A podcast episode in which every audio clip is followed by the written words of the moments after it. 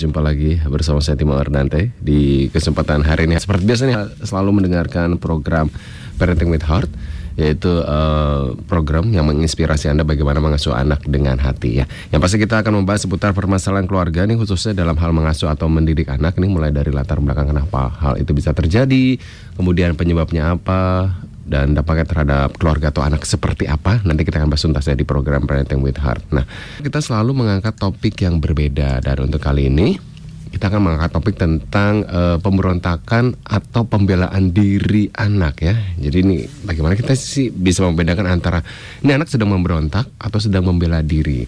Nah di studio saat ini sudah bersama uh, tim dari Yayasan Busur Mas ada Ibu Gerna Situmeyang MA Counseling CLC yang akan membantu kita menjelaskan uh, permasalahan tersebut. Kita sapa yuk. Halo, Halo, apa kabar? Kabar baik. Dan di hari ini nih kita akan membahas tentang uh, anak yang memberontak atau anak yang sedang membela diri gitu ya. Yeah. Sering banget terjadi nih. Seperti yeah. apa nih, Bu Gerda? Iya, sesekali sih pada umumnya sesekali tuh hmm. anak ada tidak menuruti permintaan orang tua. Sesekali atau sering kali? Sesekali, ya. Kalau yang normal sesekali. Oh, kalau yang normal sesekali. Iya. Kalau yang sering kali berarti nggak normal nih. Iya, setiap anak pasti ada, mm, ya. Mm, mm. Pak Timo pernah nggak? Oh, makanya tadi. Waktu kecil inget-inget atau Kayak nggak uh, usah mm. pasti ingat tuh, soal banyak gitu. Oh banyak, sering ya, sering iya. Kali. Ya pada umumnya sih setiap anak mm. sesekali ya mm -mm. tidak menuruti permintaan orang tua. Mm -mm. Tetapi orang tua tuh sering kali menyalahartikan itu ketika anak tidak menuruti permintaan orang tua tuh dipikirnya Wah, membangkang. Ini memberontak. Mm, memberontak, iya. Padahal sebenarnya itu salah satu cara anak untuk melindungi dirinya karena memang dia merasa haknya itu tidak tidak diperhatikan ya dia sebenarnya menuntut haknya ada kebutuhan untuk uh, dia apa untuk mandiri di dalam mm -hmm. mengambil keputusan tapi sering kali ya orang tua tuh mengontrol, mengendalikan. Nah, sehingga responnya anak itu tidak mengikuti. Ya, bisa bisa pertama-tama diam. Mm-hmm. tidak berespon mm. ya. Nah, tapi sering kali ketika anak tidak berespon, uh, orang tua ikut bereaksi uh, melebihi melebihi uh, dugaan. Melebihi dugaan ya. Jadi karena ada pandangan wah anak saya memberontak hmm, nih hmm, tidak hmm, mau hmm. menuruti saya hmm. ya langsung dia reaktif bereaksi marah hmm. ya kamu nih udah sering kali setiap kali hmm. seperti ini nah akhirnya karena melihat kemarahan orang tua ya anak terpancing dan ada memang ada tendensi kecenderungan uh, menang juga ya hmm. anak ingin menang apalagi anak remaja pra remaja ya tapi kita orang tua sering kali terpancing bukan tenang tapi kita terpancing dengan kemarahan oh. anak. Akhirnya ya perdebatan yang keluar yang terjadi perdebatan orang tua dengan anak. Mm -hmm. nah ini akhirnya merenggangkan makin merenggangkan hubungan orang tua dengan anak. Ya karena respon orang tua yang sering kali berlebihan. Karena respon orang tua yang berlebihan. berlebihan. Iya berlebihan. Jadi memang harus kita harus lihat dulu gitu ya apakah ini benar-benar pembangkangan apakah anak anak melakukannya setiap hari mm-hmm. di setiap aspek bukan hanya soal belajar akademis tapi setiap hal misalnya dalam kegiatan rutin ya pekerjaan rumah tangga gitu ya dia tidak menuruti perintah tidak mengikuti perintah uh, permintaan permintaan mm-hmm. orang tua mm-hmm. yeah. karena itu udah masuk ke pembangkangan. Nah, bagaimana cara membedakan antara nih oh anak sedang membangkang atau hmm. anak sedang uh, membela diri kan gitu kan? Iya, kita bisa lihat sih apakah ini di setiap aspek atau pada aspek-aspek tertentu saja. Misalnya setiap pagi aja bangun pagi sulit. Nah kita tuh konflik di situ dengan anak tiap iya. pagi aja. Tapi iya. di aspek yang lain anak baik-baik aja mengikuti. Hmm, hmm, Artinya kan memang bukan pembangkangan, tetapi memang hmm. bagaimana orang tua mengajarkan menumbuhkan tanggung jawab ya pada hmm. anak ya. Ya tanggung jawab dimulai dari hal yang kecil. Hmm, bangun, bangun tidur pagi, gitu ya. Iya, mengatur Kadang waktu. Kalau misalkan bangun tidur kan suka menjadi perang dunia. Iya. kan kadang kalau anak udah tidak suka dengan karena berkali-kali ya mungkin hmm, hmm responnya hmm, hmm. orang tua yang berlebihan itu jadi anak diem pilih diam. Hmm. Ya. Nah, kalau itu hanya sesekali yang satu aspek itu bukan bukan pembangkangan bukan pemberontakan. Jadi bagaimana melatih menumbuhkan tanggung jawab terus bagaimana um, melatih anak untuk menyampaikan dengan komunikasi yang sehat tentang kebutuhannya anak. Sebenarnya ada kebutuhan emosi kah atau hmm. kebutuhan apa ya kemandirian ya. Sebenarnya dia bisa memilih tetapi sering kali kita intervensi untuk menolong anak untuk mengambil keputusan. Jadi anak belum selesai bicara kita udah ini aja gitu ya hmm. dalam hal pilihan misalnya hmm. seperti itu.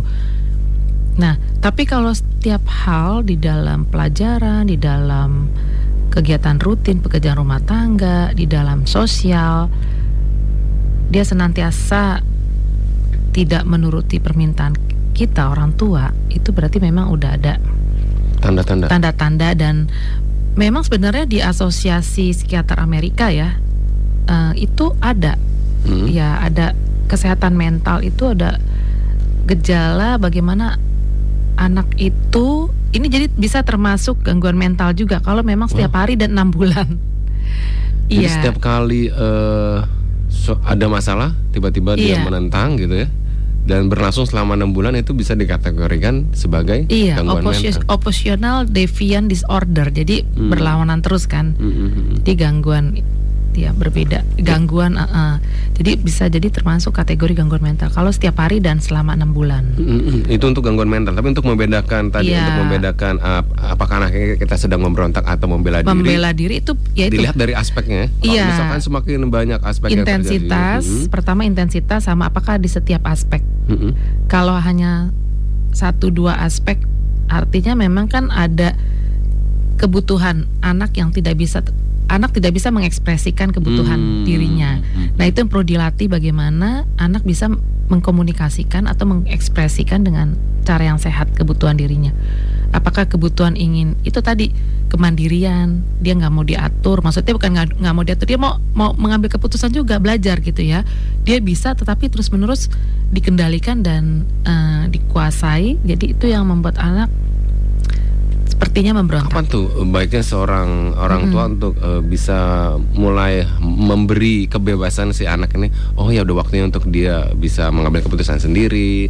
Hmm. Umur berapa sebaiknya? Uh, itu berhubungan dengan membangun tanggung jawab ya, menumbuhkan hmm. tanggung jawab hmm. itu seiring dengan kebebasan. Jadi kebebasan itu seiring dengan tanggung jawab. Jadi uh, dari hal-hal yang kecil. Hmm Ya, oh. jadi misalnya kalau anak kecil itu udah bisa memakai baju sendiri, ya udah biar dia pakai baju sendiri atau dia bisa memilih pakai sendiri jangan dipilihin lagi. Tapi kan kadang-kadang ketika misalnya mau pergi suatu acara, yuk, yaudah udah kamu pilih sendiri gitu. Uh -uh. Tiba-tiba, eh, kok pakai baju ini, celana ini nih kok nggak matching gitu ya? Iya. Akhirnya kita ganti lagi gitu kan? Iya.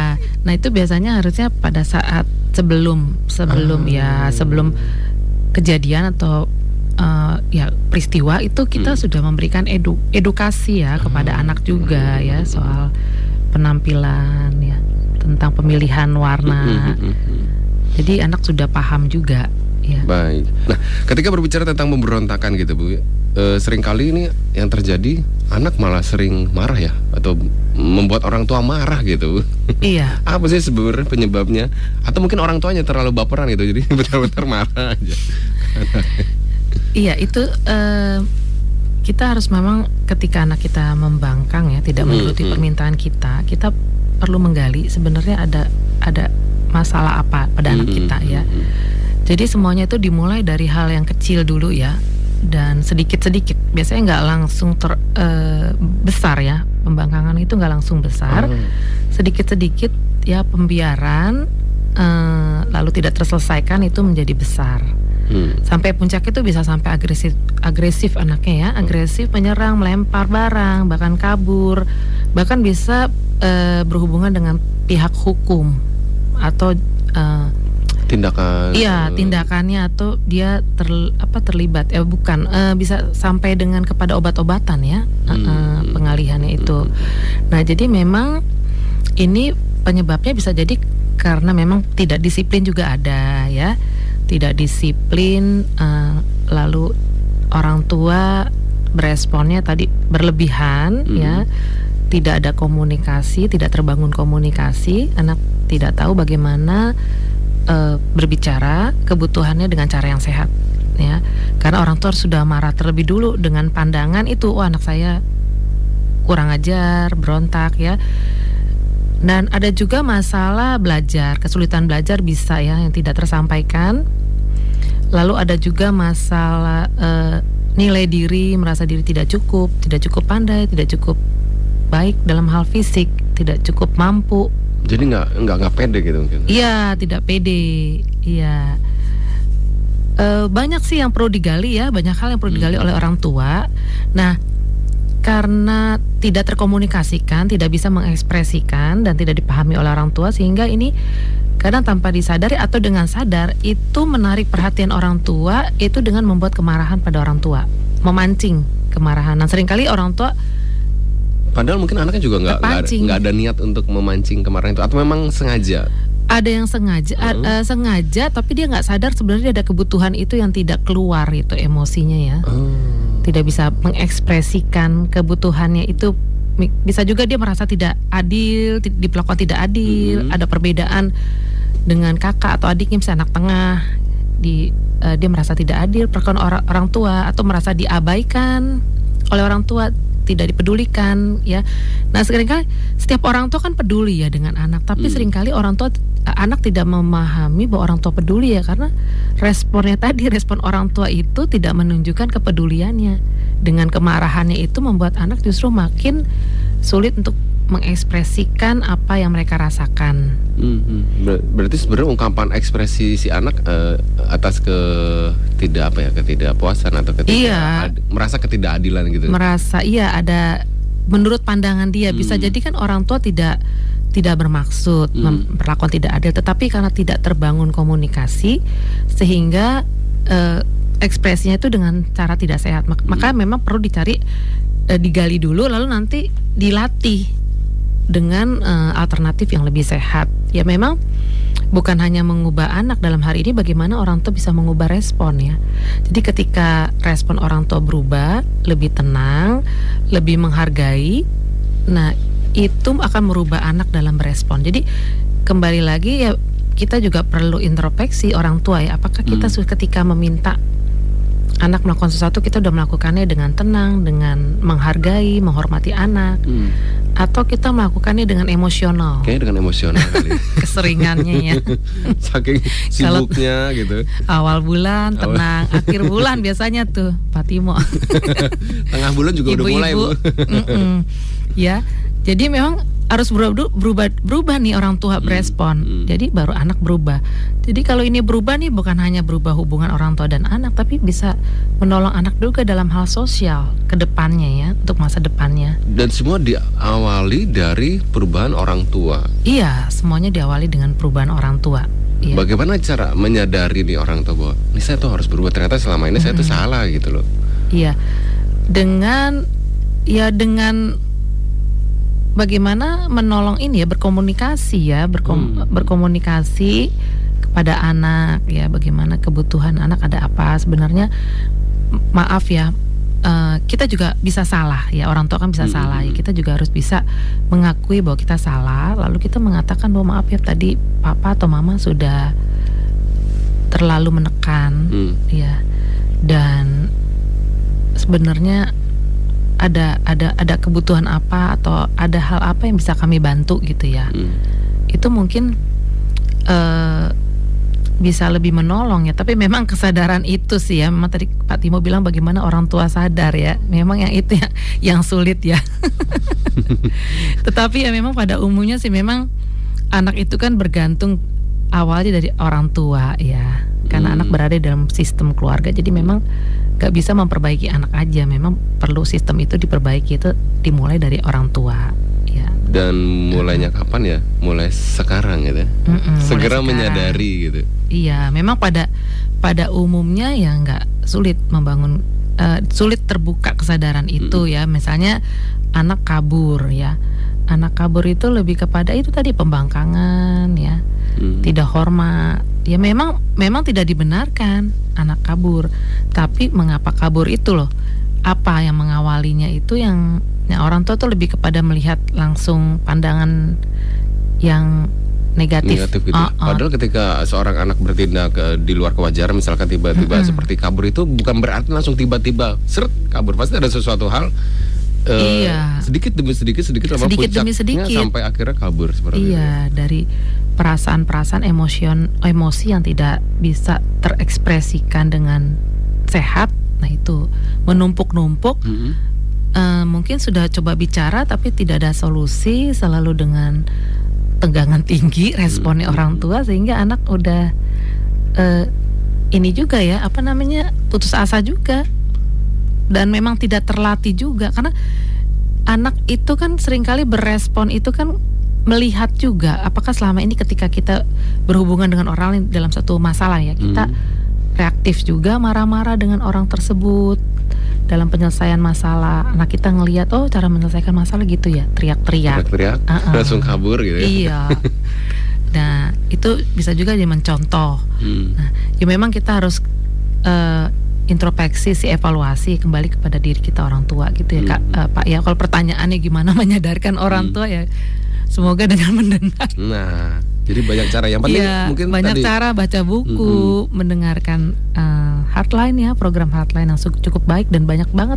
Bukan hanya parenting kita, sketsa keluarga juga ada ya Pak Timo ya. Mm-mm, kita juga punya. Iya. Dan salah satunya tadi eh, menurut ibu katanya ko- Iya. komunikasi yang paling penting komunikasi ya Iya, dalam hal untuk di Yang sehat ya. Nah, ini. Mm-mm. komunikasi yang sehat seperti apa? iya, Dan ternyata dalam pemberontakan anak itu eh, ada dampaknya bu ya iya. Ada dampaknya ya, terutama terhadap mentalnya. mental Hmm. anak ya. Jadi temperamen temperamental ya, Hmm. jadi suka marah ya, Heeh. suka marah. Seperti apa nih? Eh, anak jadi eh, selalu selalu berlawanan dengan dengan menunjukkan kemarahan ya jadinya tadinya nggak nggak terlalu marah mungkin ya bukan seorang yang pemarah bisa merubah jadi kepribadian jadi pemarah.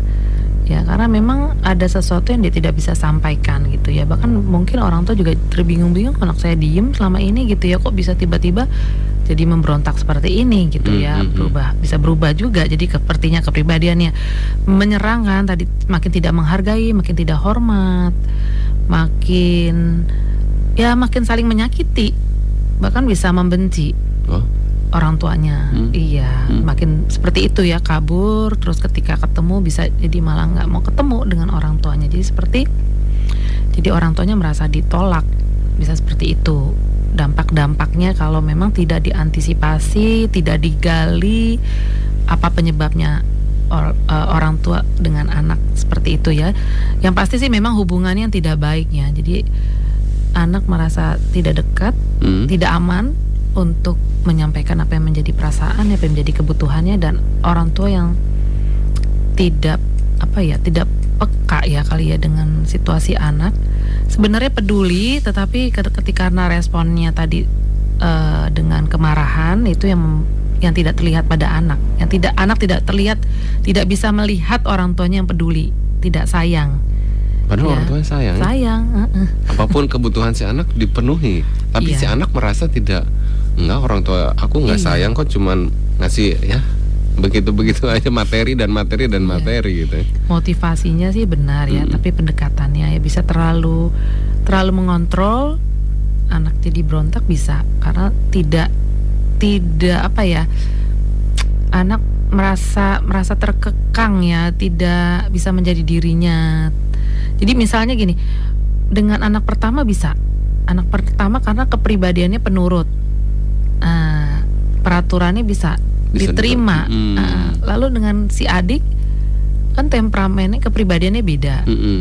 Ya. Diperlakukanlah dengan cara yang sama cara Iya, mendidiknya. dip- Ternyata hasilnya Iya, berbeda. dipikir peraturan itu Hmm, benar, hmm. padahal sebenarnya respon anaknya itu yang berbeda karena sesuai kepribadian. Oh, Jadi yang pertama mungkin nurut, diem, Hmm. udah dah daripada mama marah, papa marah, udah terima aja gitu. mm. Tapi yang kedua mungkin model yang dominan ya, berani untuk bicara, berani untuk bilang tidak dan dia juga bisa juga dia ngelihat bagaimana perlakuan orang tua kepada kakak.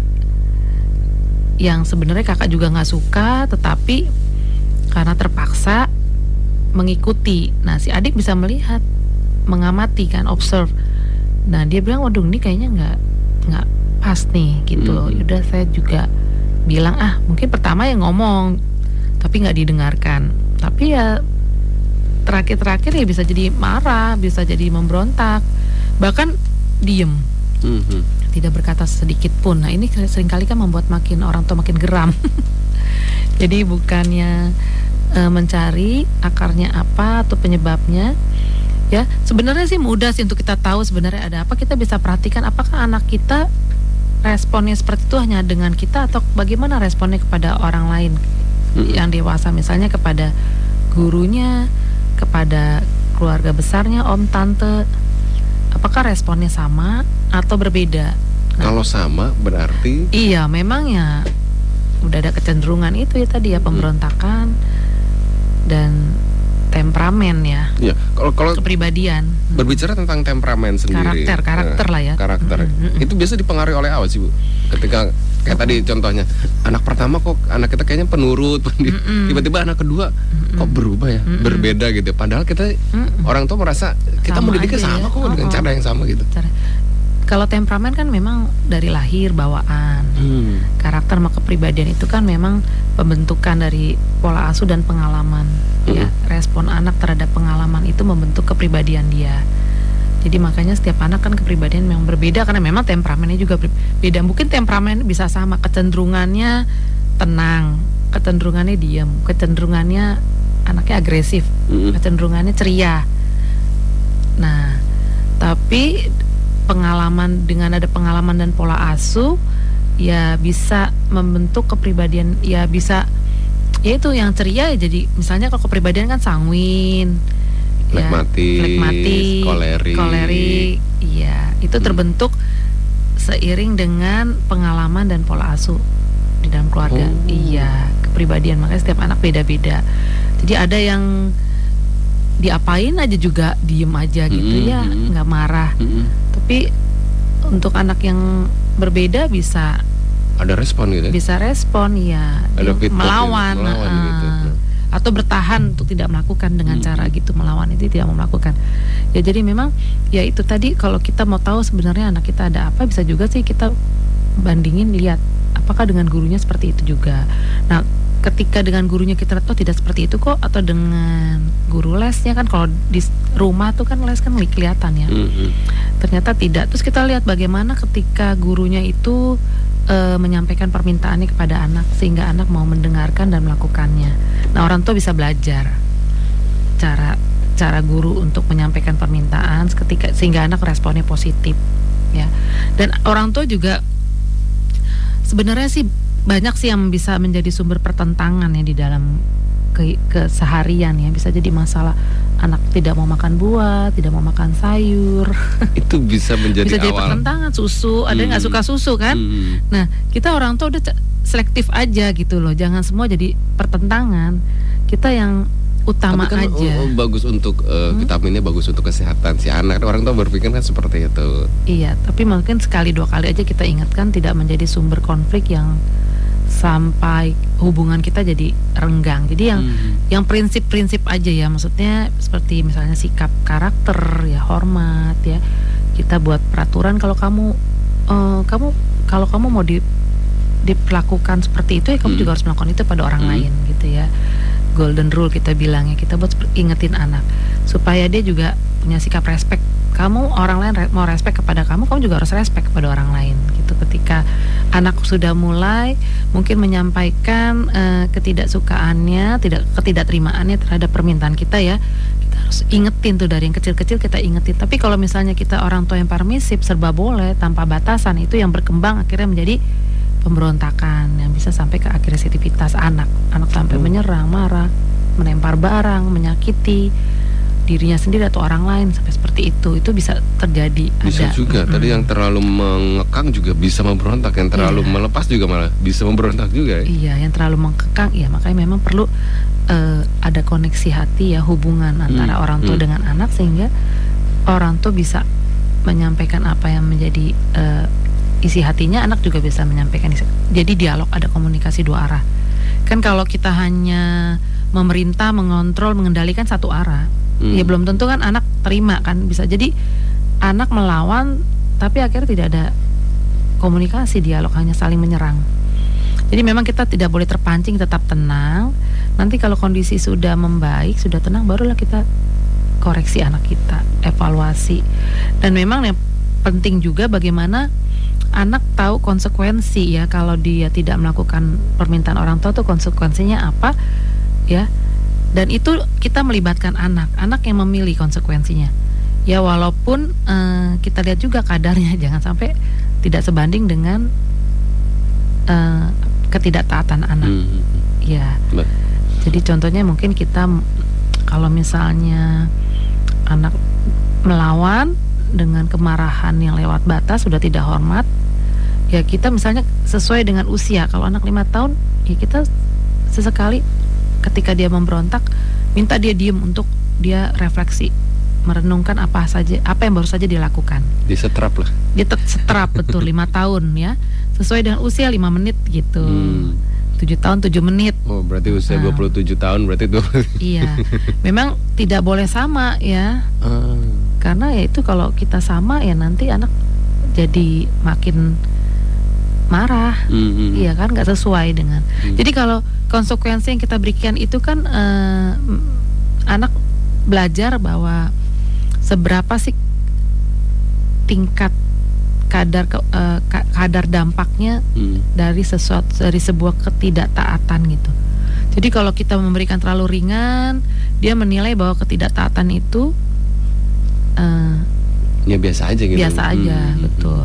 Tapi kalau kita terlalu berat, ya juga nggak fair buat anak. Nah, terus bagaimana Jadi harus cara orang tua mengetahui ini, ini sebenarnya udah seimbang nih untuk anak kita atau sudah pas gitu? Iya, uh, kita harus menilai dengan kenakalannya atau pemberontakannya dengan usia anak, intensitasnya ya. Bisa juga kan tadi refleksi 5 menit, 10 menit, 7 menit ya. Kalau misalnya hanya makan tumpahin air itu kan nggak hmm. terlalu, tapi terus gitu kan. Tapi kalau udah berbicara yang berbahasa yang buruk ya, itu kan sudah lewat batas. Ya kita bisa juga dia tidak boleh keluar kita isolasi. Misalnya hmm. kalau anak yang kecil mungkin masih jam-jaman, tapi kalau anak besar mungkin bisa harian. Nah, tapi ya di luar sekolah sama ibadah. Jangan jadi anak nggak sekolah sama ibadah karena kita sedang hukum. Sedang hukum ya. Kadang-kadang ketika uh, iya. berbicara tadi berbicara tentang kata-kata kasar, kita iya. orang tua tuh udah ngajarin yang baik dengan kata-kata yang baik. Iya. Tiba-tiba mungkin pergaulan di entah di sekolah atau iya. di pulang-pulang dengan bahasa baru yang Iya, jadi memang ini belajar uh, dari mana ini? Betul. Ini memang ada perkembangan ya kalau misalnya masih anak-anak itu biasanya yang dikeluarkan hanya mama kejam. Jadi ketika dia tidak boleh nonton TV yang keluar mama kejam. Jadi dia masih terbatas pembahasan emosinya kan anak hmm, hmm. taunya tidak boleh nonton uh, tidak boleh main game misalnya ya. Kejam. Kejam, tidak hmm. boleh pegang gadget, kejam. Hmm. Tapi seiringi bertambah usia sekolah ya itu sudah bahasanya kan udah banyak ngikutin teman-temannya. Mm -hmm. Nah itu mulai ledek-ledek kan kan biasanya. Kalau usia sekolah kan apa ya ledekin fisik, mm -hmm. apa hidungnya pesek, mm -hmm. apa pendek, mm -hmm. apa gitu ya, ngebully udah mulai. Mm -hmm. Tapi pada masa remaja udah beda lagi tuh e, masalahnya pemberontakan itu udah lebih kepada e, bagaimana ketika dia tidak diterima oleh teman sebaya, udah tekanan teman sebaya. Bagiannya dia mau diterima, dia merasa mampu. Nah, itu yang menjadi sumber-sumber kegalauan itu juga bisa nggak selalu dengan orang tua sih masalahnya hmm. itu tapi bisa jadi dengan lingkungan sekitar bisa pada saat sesuai perkembangannya anak. Oh berarti pemberontakan itu ada jenis-jenisnya sesuai dengan perkembangan anak. Iya. Hmm. Jadi tapi misalnya yang bahasa tadi kan kalau anak kecil biasanya mama kejam. Hmm. Nah kita bisa langsung evaluasi koreksi bisa ya bahwa maksud kamu gimana? Sebenarnya kamu mau bicara apa? Misalnya hmm. gitu oh, saya tidak boleh nonton TV ya itu bahasa kamu menyakiti mama. Ya kita kasih tahu bahwa kejam itu bukan bahasa yang positif. Hmm. kita kasih tahu tetap meskipun dia masih anak-anak. Tapi itu karena memang masih masa perkembangannya. Tapi waktu sudah seiring usia sekolah tuh biasanya masuk SD tuh ngomongannya udah nggak kejam lagi tapi udah lebih kepada ya udah ledek-ledekan bahasa nakal, oh, gaul bukan deh. ya. ah mama nggak nggak cakep misalnya gitu.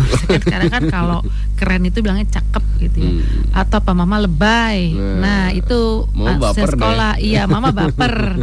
Itu udah perkembangannya sesuai Hmm. dengan lingkungannya. Hmm, hmm, hmm. itu nanti remaja beda lagi dia bahasanya beda lagi. Nah itu memang kita harus belajar. Sebagai orang tua kita harus belajar. Nah kalau memang kita sulit untuk udah me- mencoba memberikan perubahan alternatif untuk anak bagaimana menyampaikan kebutuhan secara sehat Hmm. masih juga nggak berubah ya kita cari pertolongan lah ya Hmm. banyak tenaga profesional konselor psikolog gitu untuk bagaimana mendampingi kita dalam eh, pola pengasuhan kepada anak-anak kita Tapi Mm. terkadang eh, ada orang tua yang juga, aduh malu lah nih kalau misalkan dibawa ke psikolog atau apa nih, Iya. aduh, gitu. Betul. Jadi memang mm, baik sekali kalau di setiap lingkungan ya apa di lingkungan rumah, apa di Mhm. komunitas tempat ibadah ya. Itu punya support system kayak komunitas parenting ya, Hmm. keluarga muda Hmm, hmm. yang bicara tentang perkembangan anak, relasi pasutri yang di di situ bisa kita sharing ketika kita mendengar orang lain orang lain sharing itu ternyata oh sama ya. Hmm, ternyata orang lain juga mengalami hal yang sama dengan saya. Itu mendorong untuk cerita. Nah ketika cerita kita bisa menemukan solusi atau kita saling berbagi kan tips-tipsnya. Itu sangat baik banget kalau misalnya kita buat komunitas ya di lingkungan rumah atau di sekolah komunitas orang tua atau keluarga muda atau parenting lah istilahnya ya. Di sekolah kan biasanya seminar-seminar ya tapi biasanya kalau seminar kan juga bertanya suka malu ya peserta. Hmm, hmm, hmm, hmm. Nah kalau komunitas itu kan yang positif ya apa kita buat kegiatan positif yaitu ya udah sharing-sharing aja untuk tentang anak kita. Maksudnya kok anak saya saya mengalami seperti ini ya gitu. Mhm. Kamu ngalamin juga gak gitu ya? Oh ya saya pernah mengalami itu saya seperti ini loh saya melakukan perubahannya alternatifnya. Nah itu menolong sekali untuk orang tua boleh saling belajar. Jadi tahu bahwa ternyata tidak mengalami sendiri. Ya, Hmm. karena ke- ketika kita hanya kita tahu ada masalah terus kita berdiam diri, nah itu jauh dari pintu pemulihan. Tapi terkadang Heeh. ketika kita dapat masukan dari teman gitu tuh, Heeh. komunitas, Mm-mm. ketika kita coba praktekkan ke keluarga kita, ke lingkungan kita, kadang ad- kadang ada yang bisa masuk, ada yang wah, Iya berbeda, bisa. berbeda nih. karena setiap anak unik. Ya kitanya Hmm. juga orang tuh unik gitu ya. Hmm. Tapi kan kita terus coba aja upayakan ya, coba-coba. Nah kalau sampai mentok apa pun yang kita upayakan tidak berubah, ya itu cari pertolongan eh, konselor ya, karena memang eh, ada hal yang kita Kapan saat yang tepat? Ah, saat yang tepat kalau ya kita merasa anak kita tadi ya udah tidak hormat, respeknya udah makin tidak respect dan makin hampir semua aspek tadi itu ya baiknya udah segera tuh Hmm. cari pertolongan karena ada hal-hal yang memang kita tidak tahu tentang diri kita jadi orang lain bisa memberitahukan kepada kita itu konselor yang memang mereka belajar de- eh, dengan dengan bidangnya ya Hmm. psikolog ya Hmm. Mm-mm. Hmm. gitu Pak Timo Baik, ya dan Petra ini waktu Iya. sudah di Iya.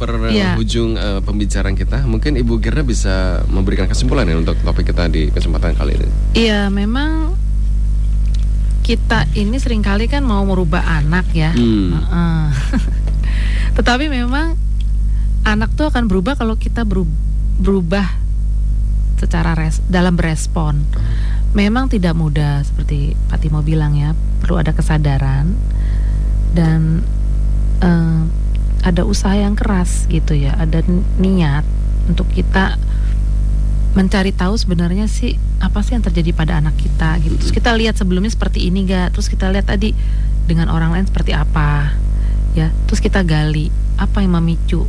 Terus aspek-aspek apa aja anak kita berlawanan dengan kita ya dan kalau eh, bisa sih ya jangan semua dipertentangkan ya misalnya masalah tadi ya beresin tempat tidur sampai kita konflik sampai anak kita. Mungkin kita pukul anak kita karena dia tidak mau membereskan tempat tidurnya. Atau dia tidak mau makan sayur ya atau tidak mau makan buah. Kita kan bisa mencari alternatif lain kalau dalam hal itu ya. Hmm. Tap- tapi yang kita cari aja yang memang anak kita mau kita berubah misalnya dalam hal eh, sikap hormat ya udah kita fokus aja keda- kepada perubahan itu atau kita mau anak kita dalam hal akademis kita fokus di situ. Oh. Lebih fokus kepada kita mau berubah apa, bukan fokus kepada apa yang kesalahan yang dilakukan oleh anak. Kalau nggak kita akan terus di dalam lingkaran itu ya.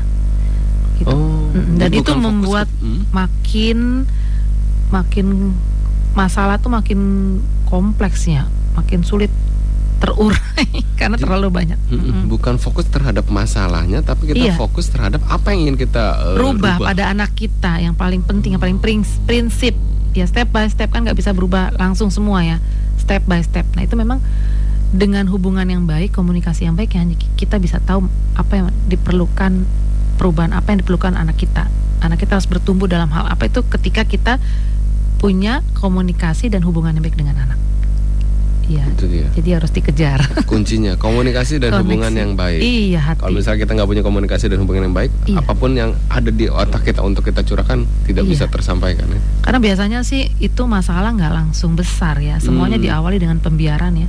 Dari kecil ya kan eh, mengatai ibunya dengan kata-kata yang tadi itu buruk Hmm, ya, hmm. nggak bagus ya kita biarin. Oh masih kecil ntar juga dia berubah. Hmm. Nah makin lama ya makin besar makin ya dia tak dia pikir itu bilang mama kejam itu bukan sesuatu yang Ya. buruk. Mm-mm. Oh, oh. Nah kita dari kecil ya kita udah harus bisa eh, koreksi anak kita dengan cara yang positif ya, bukan dengan reaktif, tapi bagaimana waktu tenang kita bicara. Seperti apa sih yang bahasa yang sopan itu yang mem- me- apa menunjukkan sikap hormat kepada orang lain itu seperti apa? Ya itu di- bisa dimulai dari sejak dini. Iya. Baik Iya. ya terima kasih untuk ibu Gerna nih Makasih kembali. dan untuk yang ingin bertanya lebih lanjut nih Iya. bisa menghubungi ke mana nih ibu Gerna bisa ke nomor HP saya atau WhatsApp saya di 0813 0813 865 82440 0813 865 82440 dan saatnya saya Timo Arante undur diri dari pendengaran Anda keep on growing and never give up